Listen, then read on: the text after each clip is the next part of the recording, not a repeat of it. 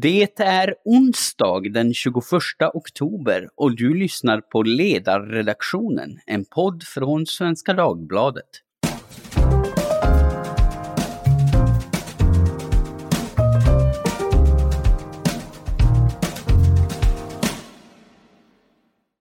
Jag heter Jesper Sandström och idag ska vi prata om genmodifierade grödor, vilken roll de kan spela för hållbart jordbruk och livsmedelsförsörjning och vilka politiska hinder som finns mot att vi faktiskt använder dem.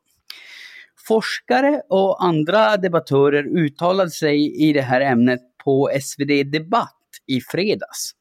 Under rubriken Låt kraften i gensaxen förbättra våra grödor så skriver de bland annat så här. Gensaxen kan bidra till enorma framsteg i växtförädlingen och därmed det framtida hållbara jordbruket. Dessa framsteg kommer dock inte samhället till nytta så länge den restriktiva lagstiftningen i EU består. Och eh, den gensax de pratar om, det är alltså tekniken CRISPR-Cas, för vilken forskarna Emmanuel Charpentier och eh, Jennifer Doudna belönades med årets Nobelpris i kemi. Så vad är det allt det här handlar om? Varför är den här gensaxen så viktig? Och om den nu skulle kunna användas på ett bra och säkert sätt till nytta för både människa och miljö, varför hindras det då från politiskt håll? Vi ska som vanligt försöka göra det hela lite tydligare med hjälp av kloka och trevliga gäster. Så vid min sida idag har jag två av debattartikelns undertecknare. Den ena är Stefan Jansson, professor i växters cell och molekylärbiologi vid Umeå universitet. Han blev 2016 först i världen med att äta CRISPR-genmodifierad kål som han hade odlat i egen trädgård. Och den andra är Annika Ånberg, tidigare jordbruksminister i Göran Perssons regering under några år på 90-talet. Eh, tack för att jag och lyssnarna får ta lite av er tid den här vackra oktober eftermiddagen. Eller ja, vacker och vacker. Här i Luleå där jag sitter så snöar det i sidled, men vi kan väl hoppas att den här podden bidrar till lite sol i sinne i alla fall. Eh, jag tänkte att ni ska få börja med att berätta lite om varför ni skriver den här debattartikeln. Jag gissar att ni i egenskap av forskare respektive politiker har lite olika ingångar i frågan. Men varför är det här en viktig fråga? Om, om du börjar, Stefan.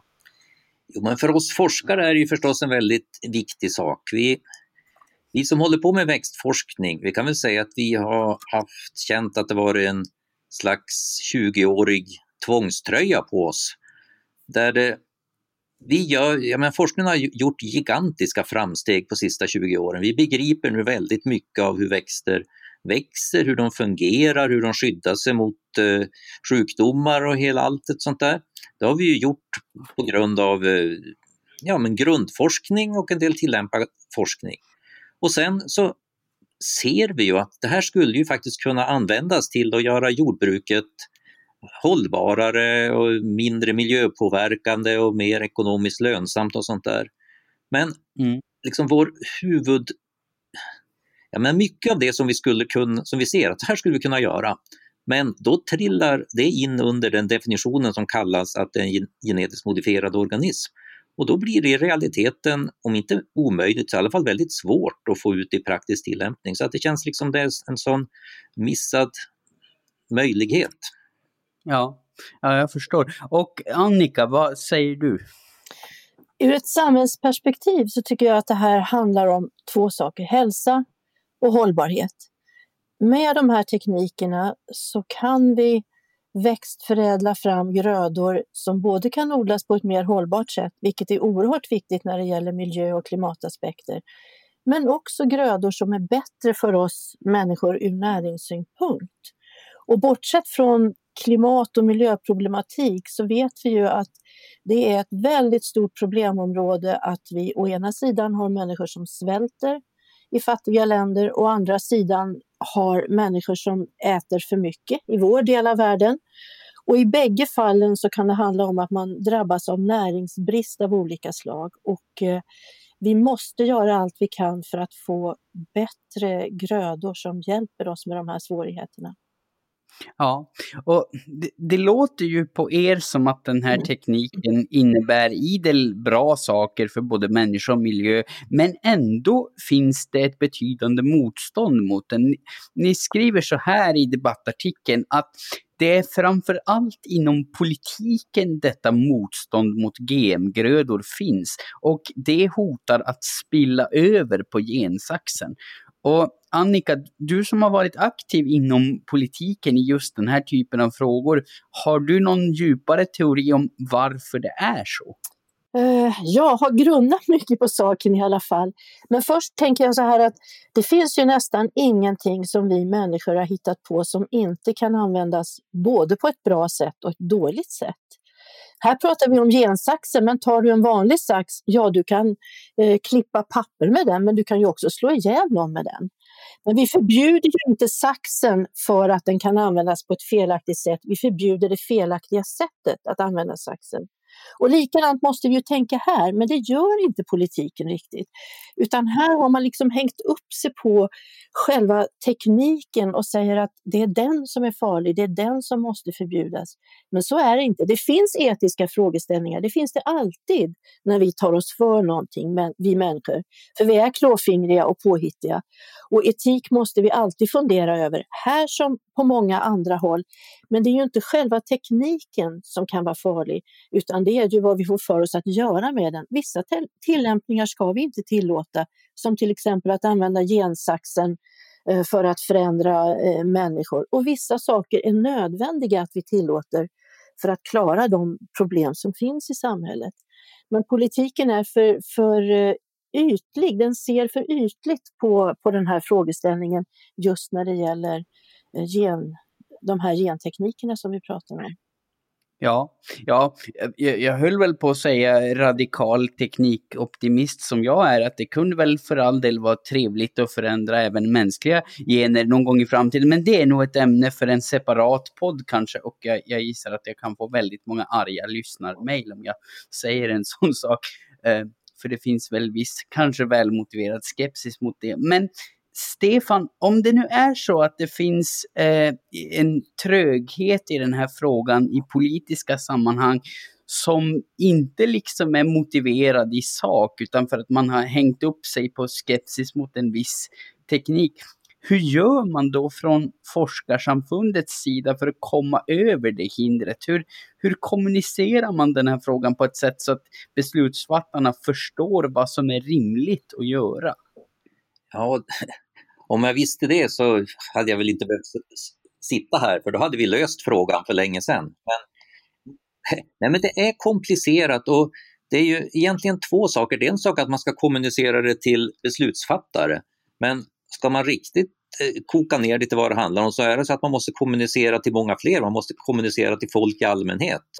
Man måste kommunicera begripligt. Alltså enligt min uppfattning så gör inte forskare det för det mesta.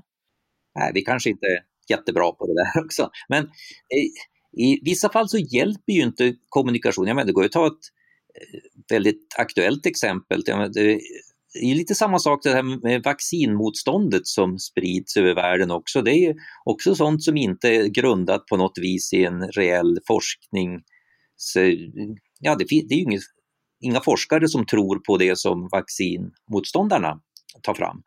Och man kan ju tycka att nu när liksom det har verkligen pratats om vacciner och behövs i pandemi och så att ja men skulle man bara informera om det så kanske det skulle vaccinmotståndet minska, men det gör ju inte det. Det är snarare snarast så att, har jag förstått det hela, att det är nästan fler vaccinmotståndare som fått vatten på sin kvarn på slutet nu här. Så att det är väldigt svårt att förändra saker med information. Det är det som är problematiskt där.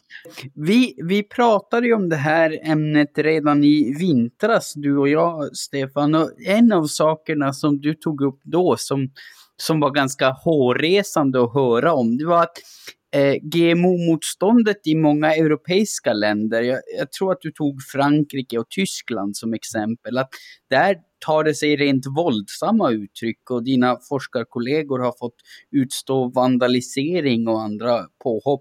Kan du berätta lite mer om det? Ja, jo, nej, men det är så. Det är naturligtvis inte allihopa, men jag har eh, kollegor som har en kollega som berättade att han hade fått lova sin fru att han inte skulle berätta när han hämtade på dagis vart han jobbade någonstans, att han höll på med växtförädling och så eftersom det var både personal och föräldrar på dagis som var med i den här aktionsgruppen som förstörde bilarna för de som jobbade där. Så att det är ett otroligt polariserat landskap där ute. Och väldigt många forskare i de länderna, de är väldigt de skulle inte så här glatt sitta och prata som jag gör med dig här för att de är faktiskt oroliga för egen del. Så är det ju inte i Sverige och det är ju väldigt skönt och bra. Men mm. det, om man utgår från det läget, när det är så polariserat och folk har väldigt starka uppfattningar åt endera eller andra hållet, då är det svårt att ha ett vettigt samtal. Det är det som är det jobbiga. Mm. Ja, det, det, är svårt, men, men eh, vi måste ju ändå fortsätta försöka. Och jag, jag, tänker att det är några saker som är viktiga. Dels är det att mm. forskarna talar om att det här är ingenting som vi håller på med hipp som happ och klipper lite gener hit och dit, utan allting vi gör är noga övervägt. Vi har kunnat rätt mycket om genetik i 150 år, nu har vi bättre verktyg. Men vi förstår ändå ganska mycket av vad som händer. Det, det, är inte liksom något helt nytt och oväntat. Och vi gör etiska överväganden. Jag tror att det är viktigt att man ständigt upprepar detta. Att det finns ingenstans inom växtodlingen som vi gör så tydliga etiska avvägningar som med de här nya teknikerna. Man skulle önska mm. att vi gjorde det också med det som vi tror är gamla välkända tekniker. Detta tror jag att man måste man måste fortsätta att berätta hela tiden och sen tror jag man måste också tala om vad har vi haft för nytta hittills av de här teknikerna? Vad hjälper de oss med mer konkret? Och då tänker ja. jag osökt på ett exempel som vi nämner i debattartikeln är potatis som ju kan mm. drabbas av något som heter bladmögel, vilket genom historien har orsakat enorma katastrofer, svält och död och lidande. Nu kan man med hjälp av, av gensaxen Eh, förändra genomet i potatisen så att den inte behöver en stor mängd kemiska bekämpningsmedel för att klara av det här bladmöglet. Och en tredjedel av de svampmedel som vi använder i Sverige, de går just i potatisen. Det är en fantastisk mm. miljövinst om vi kan slippa det. Jag tror man måste berätta om att det görs etiska överväganden. Man måste berätta om de goda erfarenheterna vi har. Och vi kan inte göra det för lite.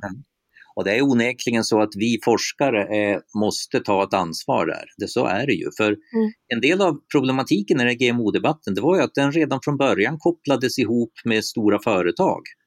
Liksom, mm. Diskussionen blev eh, Monsanto mot stackars fattiga bönder och stackars utsatta konsumenter.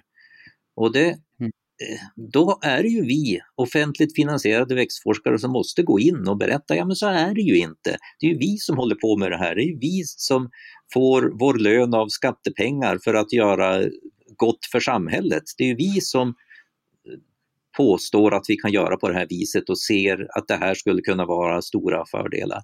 Så att mm. jag ska inte låta för hopplös, jag säger att det är svårt men i alla fall så måste vi göra det. Ja, Ja, så det, det är mycket en fråga om, om pedagogik. Liksom. Att, att kommunicera kanske, ja, ja men som ni sa, inte, inte bara då till eh, beslutsfattare utan även till den bredare allmänheten. Mm.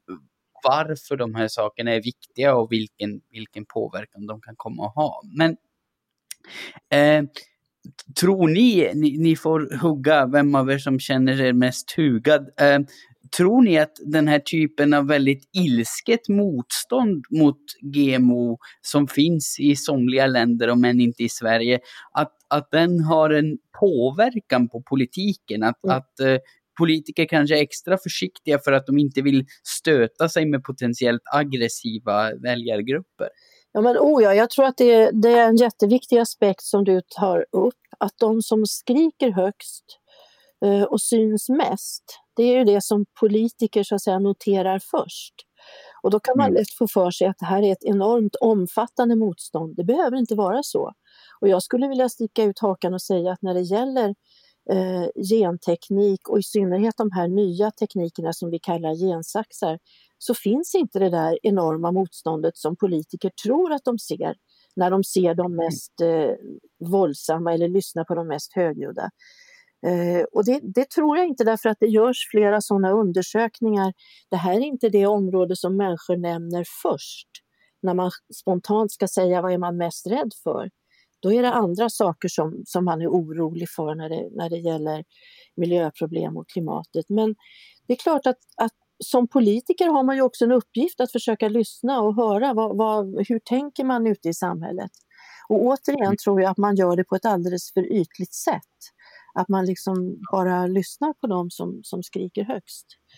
Och det är inte rätt. Det här, Nej. Just vad folk tycker, det, gjordes, det görs ju sån här eurobarometer med jämna mellanrum. Och där var det för två år sedan eller vad det nu var som det kom en där jag tror det var 4% av Europas befolkning som tyckte att det här var något problem. Men det var ju just när det handlade om gensaxen och det som komplicerar hela den här diskussionen det är att diskussionen om CRISPR den landade ju mitt i en diskussion som är GMO eller inte GMO. Och mm. den diskussionen har funnits i 30 år. Och det, det, blev ju liksom inte en ny diskussion om ska vi använda gensaxen till det här, utan enda diskussionen som kunde komma upp det var att ja, men ska räknas det här som en GMO eller räknas det som inte GMO och hur ska det då ta? Och då har man liksom hela bagaget av 30 års av eh, polariserad diskussion. Mm. mm. Men jag, jag, tänker också att det är så här, det här är ju det är ett komplicerat och komplext område det, det, är inte så väldigt lätt att, att, förstå egentligen hur man kan ha någonting som, som kan påverka genomet så som gensaxen gör. Och jag tror att ute i, i, i den allmänna samhällsdebatten så tänker man att det här med att förändra genomet, det är någonting som vi gör med de här nya teknikerna. Uh, och så tänker man sig att det vi gjorde förr med det man kallar vanlig växtförädling var något helt annat. Men det var det ju inte. Vi förändrade ju genomet då också eh, för, ja, fast mera i blindo. Men, men det finns ja. liksom en föreställning att, att, som går helt på tvärs med vad det egentligen handlar om. För det som händer nu är att vi kan göra saker mera precis. Förut ja. var det mera slumpvis. Vi förändrade genomet men vi visste inte riktigt hur. Eh, och det tycker man konstigt nog då är, det känner man sig tryggare med än med ja. den ökade kunskapen som gör att man kan vara mera precis. Eh, mm. Så det, det, det, är mycket som man behöver förstå och förklara på ett sätt som allt för sällan görs i diskussionen. Ja, och det är väl, det, det finns väl hos många en uppfattning att liksom, det som sker i naturen, och nu mm. gör jag citationstecken i luften med fingrarna här, det, det är på något vis tryggare och trevligare än, än det som sker genom mänsklig hand. Och, och ju, mm. mindre, ju mindre detaljerat människan har varit inblandad, desto tryggare och, och, och mer naturligt är det. det. Det är väl ganska vanligt att jag, jag brukar lite frustrerat sucka när, när, folk för fram den ståndpunkten att ja men det är naturligt mm. så det måste vara bra. Så, så brukar jag säga att ja heroin är också ganska naturligt men det är inte... Det är men dels är ju inte allt som är naturligt bra men dels är ju inte allt som vi tror naturligt heller naturligt. Väldigt mycket som vi äter, jag menar alla, alla goda kolsorter nu eh, utöver de som Stefan hade i sin trädgård, brysselkål och blomkål och så vidare är ju ingenting som naturen har skapat. Det är ju vi som har skapat. Jordgubbar är inget som naturen har skapat. Det är något som vi har skapat. Väldigt mycket av det vi äter idag skapades igår eller i förrgår och då tänker vi som lever idag att det är naturligt. Det är ju inte ens naturligt att det finns smör och grädde och mjölk. För i naturen är ju alltihopa hopblandat men vi separerar det det är liksom jordbrukets varumärke har ju byggt väldigt mycket på någon slags naturlighet. Ska, ska något jordbruksföretag sätta in någon annons så skickar de ut någon gubbe med leriga stövlar och keps i en åker. Liksom.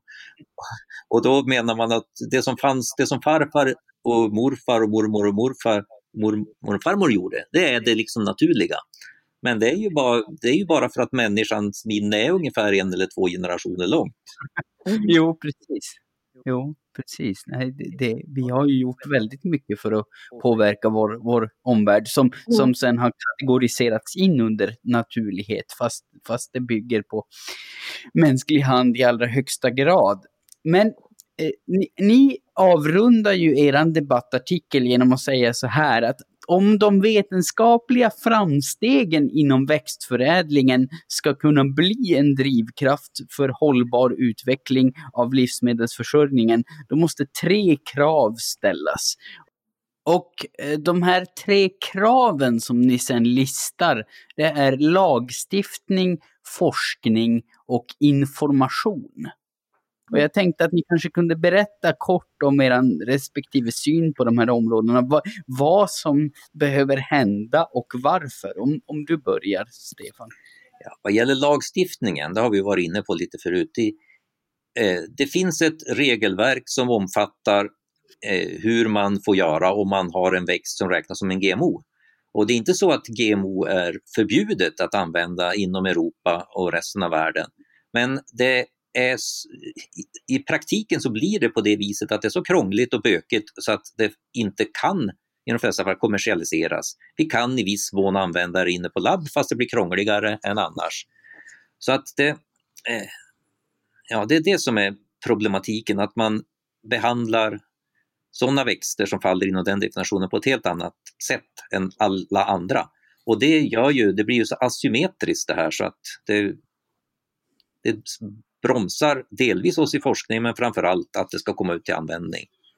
Forskningen, det är ju lite grann igen att det kan man väl säga att jag pratar i eget intresse, men det är klart att vi har svårare att övertyga de som finansierar vår forskning om att vi ska finnas och utveckla vår forskning utifall vi inte kan visa på att vi kan eh, ge det här till samhället tillbaka. Mm. Och så är det lite grann nu. Det är att liksom, ja, ja, ja, ni kan göra det där, men om man ändå inte får använda de där växterna, vad ska ni då forska på dem för? Nej, nej, precis. Och Annika, hur ser du på de här tre kraven? Varför är det just lagstiftning, forskning och information som är de tre viktigaste sakerna? Jag kan börja med, med informationen då som, som är det sista av de här kraven. Det är ju ingen som direkt hindrar en forskare från att eh, informera om de här sakerna, men hela systemet kring en forskare och Stefan får väl säga om, om han tycker jag har fel, men som jag fattar det så är det så att om man som forskare ska göra karriär, då ska man publicera sig i vetenskapliga tidskrifter och man ska inte lägga väldigt stor del av sin arbetstid just på att vara ute och informera och kommunicera. För det är liksom inte värt någonting i den akademiska världens sätt att värdera forskningen.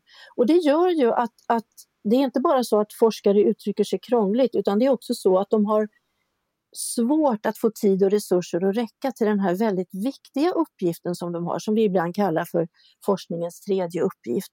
Och det måste föras en diskussion. Alla de som ställer frågor nu till exempel kring de här teknikerna ute i samhället måste hitta någonstans att vända sig och sitta ner för ett seriöst och lugnt samtal och få svar på sina frågor. Och det fattas för mycket av de delarna idag. Och när det gäller forskningen i största allmänhet så är det ju så här att det är svårt att hitta finansiering ofta för en forskning som, som inte får komma till användning i samhället, precis som, som Stefan sa. Då blir det ju så att Europa kommer ju på efterkälken, inte bara när det gäller tillämpningarna utan också när det gäller forskningen. Eh, att utveckla forskningen vidare. Det är ju fantastiskt att eh, Emmanuel Charpentier och, och Jennifer Doudna som fick priset, att Emmanuel Charpentier hade forskat just vid Umeå universitet. Men jag är säker på att vi skulle kunna ha mycket mer forskning i frontlinjen inom de här områdena om det var, inte var ett område som vi så att säga stängde ute från Europa. Och då är det ju slutligen därför vi måste förändra lagstiftningen. Som vi var inne på förut måste man alltid göra etiska bedömningar och forskning som när den ska bli produkter som förs ut i samhället. Men därvidlag är det ju inget som skiljer det här från andra sätt att bedriva växtförädling. Det måste ju vara möjligt att göra det. Man kan inte sätta upp ett regelverk som är så krångligt så att det omöjliggör all, all faktisk utveckling. Och det är ju dit vi är på väg nu med stormsteg i Europa. Och det är katastrofalt för, för hållbarhet, för hälsa och för, för samhällsutveckling helt enkelt. Ja, och, och, risken är väl då att den här, äh, den här utvecklingen kommer att ske någonstans, men att den inte då hamnar i Europa, utan kanske i, i USA eller Asien istället. Mm. Och då blir ju ehm. verkligen, då blir ju, då blir ju det, det goda det bästas fiende, för att om man inte vill att utvecklingen ska drivas av stora, väldigt stora och väldigt kapitalstarka företag, då måste man ju istället göra det möjligt att bedriva forskning och utveckling med offentlig finansiering.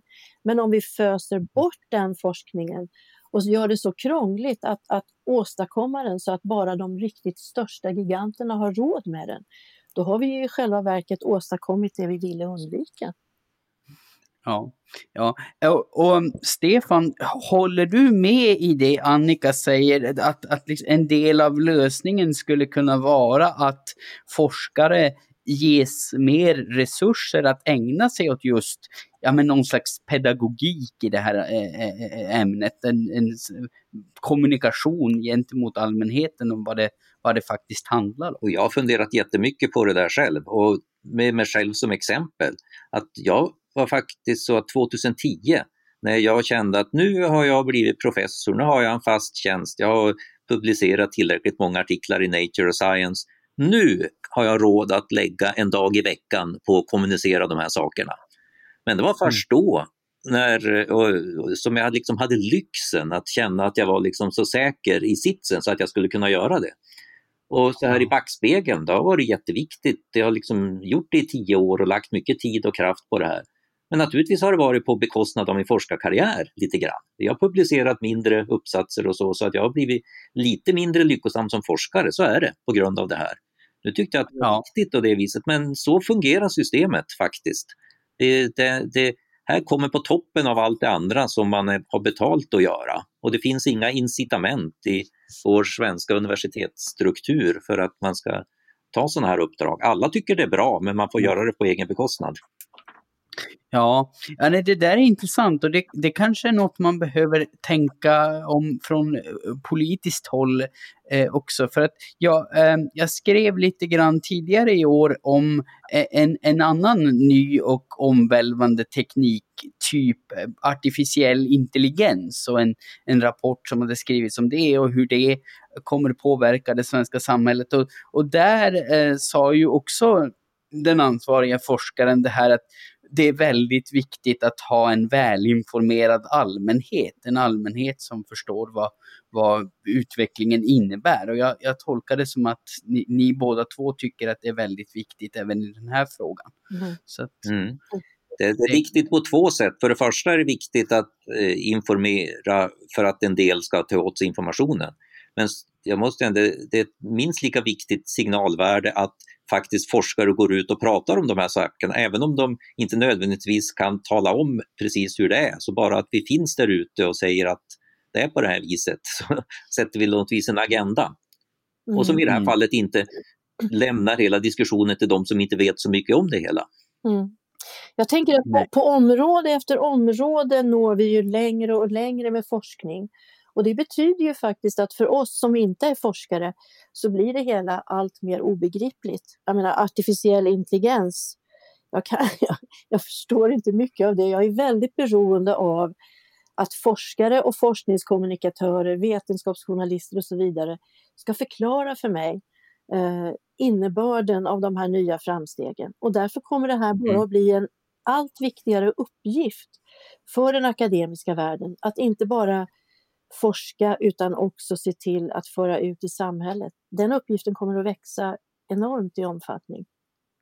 Ja, ja. och, och det, det blir väl viktigt för, eh, för politikerna då också att tänka mm. på. För som, som Stefan säger så är det väl ofta så att nej, men det saknas, saknas incitament att ägna sig åt det. Man, den egna karriären och så tar skada av att man väljer att prioritera det. Så, så då gör man det helt enkelt inte. Det är inte så, mm. det är inte svårt att förstå. Jag tror att ett problem för politiken är att, att politiken eh, också har blivit så otroligt eh, omfattande och tillkrånglad att det är svårt. Jag tror att en politiker nästan idag drunknar i alla uppgifter i, i stort och smått och att det här med att få utrymme att själv eh, ut, fortbilda sig i det som är de otroligt viktiga framtidsfrågorna för samhället. Det hinner nästan inte politiken med och det utrymmet måste politiken skaffa sig för att kunna fatta bra beslut. Det ser vi alldeles ja. tydligt på det här området, att det brister där. Det, det, gör mig, det gör mig väldigt glad att höra det från en gammal minister. Jag, jag får, hoppas att din uppmaning hörsammas av eh, flera av dina nu aktiva kollegor.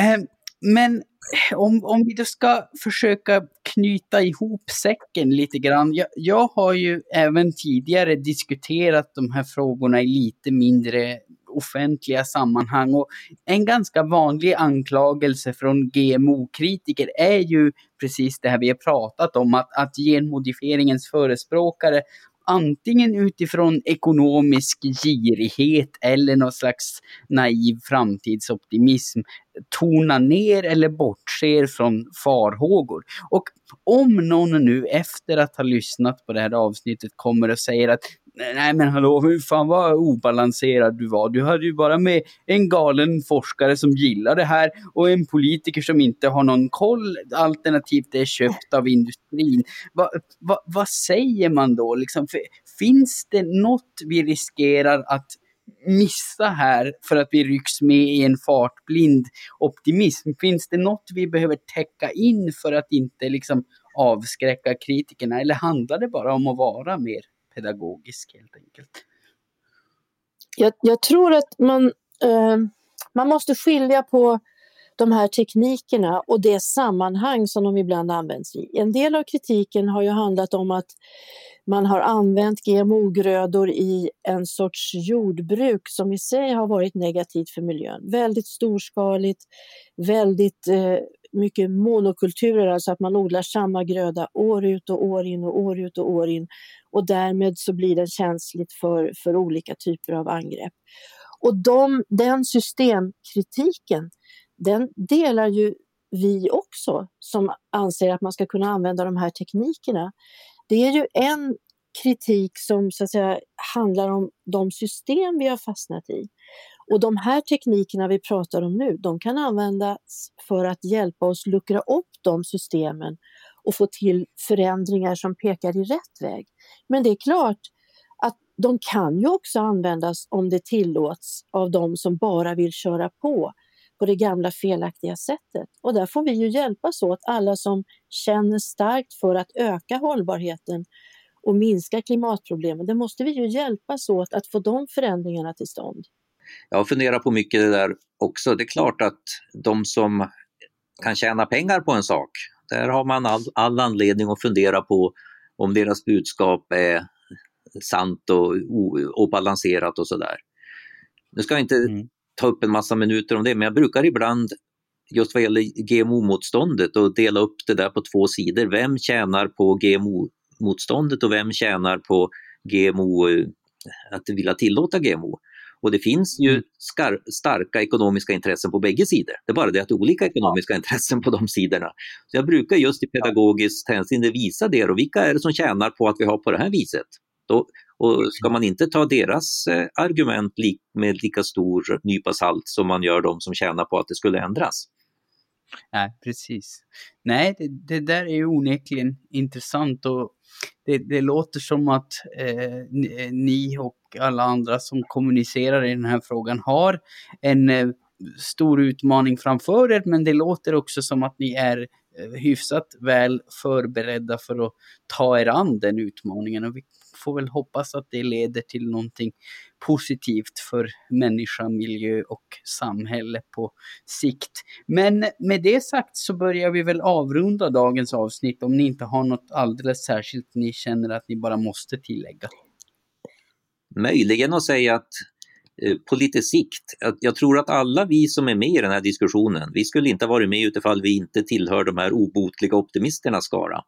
Och jag är själv Nej. övertygad om att om tio år så är det annorlunda. Jag kan inte tänka mig annorlunda, eller annat än att faktiskt saker och ting har hänt. Mm. Och, och, varför tror du, varför är du så säker på att det kommer vara annorlunda om tio år? Därför att världen vill gå mot någonting bättre. Ja. Så, så, att de, de positiva konsekvenserna kommer vara så pass tydliga att vi kan helt enkelt inte låta bli att ta till oss dem, mm. eller hur? Ungefär så. Ja. Mm. ja. Och, och, vad säger du Annika? Har... Ja, men jag har följt den här diskussionen sedan mitten av 80-talet. Och jag började faktiskt att, med att vara väldigt mycket negativt inställd till, till det som då kom fram av nya Eh, gentekniker. Men vart efter åren har gått och forskningen har gjort framsteg och jag har kunnat se vad det i praktiken har lett till, vad många tillämpningar som kan vara till nytta för människan, så har jag ju gradvis kommit att, att ändra mig. Och det är ju därför jag idag är förespråkare. Jag tänker så att varje människa har ju en skyldighet att alltid ifrågasätta och fundera över sina ställningstaganden. Tage Danielsson sa en väldigt klok sak. Utan tvivel är man inte riktigt klok. Och det brukar jag fundera över och följa. Man måste alltid såklart vara kritisk. Man kan inte bara vara 100% positiv till någonting, eller det kanske man kan, men det är inte särskilt bra. Utan alltid ifrågasätta och fundera. Men ju mer jag ser av det här området, desto mer så, så tänker jag att här finns viktiga bidrag till ett mer hållbart samhälle. Ja, Ja, det låter ju väldigt hoppfullt. Jag, jag, hoppas att våra lyssnare känner detsamma och gör de inte det så lär de väl höra av sig så får vi kanske ha en till podd i framtiden. Men tack så väldigt mycket för att ni ville vara med och kasta lite ytterligare ljus på den här frågan för min och för våra läsares och lyssnares skull. Eh, tack till Annika Ånberg, tidigare jordbruksminister, och Stefan Jansson, professor i växters cell och molekylärbiologi. Tack också till alla lyssnare. Ni får hemskt gärna fortsätta skicka tips och frågor och kommentarer och svador och muntrationer till e-postadressen ledarsidan svd.se. Ni får också gärna recensera oss på Apple Podcasts, det som inte för, för, inte så länge sedan hette iTunes, så att fler kan hitta till podden. Fortsätt hosta i armvecket, hålla avstånd och ta hand om varandra på sådana sätt som ni och myndigheterna bedömer som lämpliga, så hörs vi snart igen. Eh, ni slipper mig ett tag nu. Imorgon och på fredag så får ni istället njuta i fulla drag av mina något mindre pladdriga kollegor Fredrik Johansson och Tove Livendal. Tack för idag och hej då!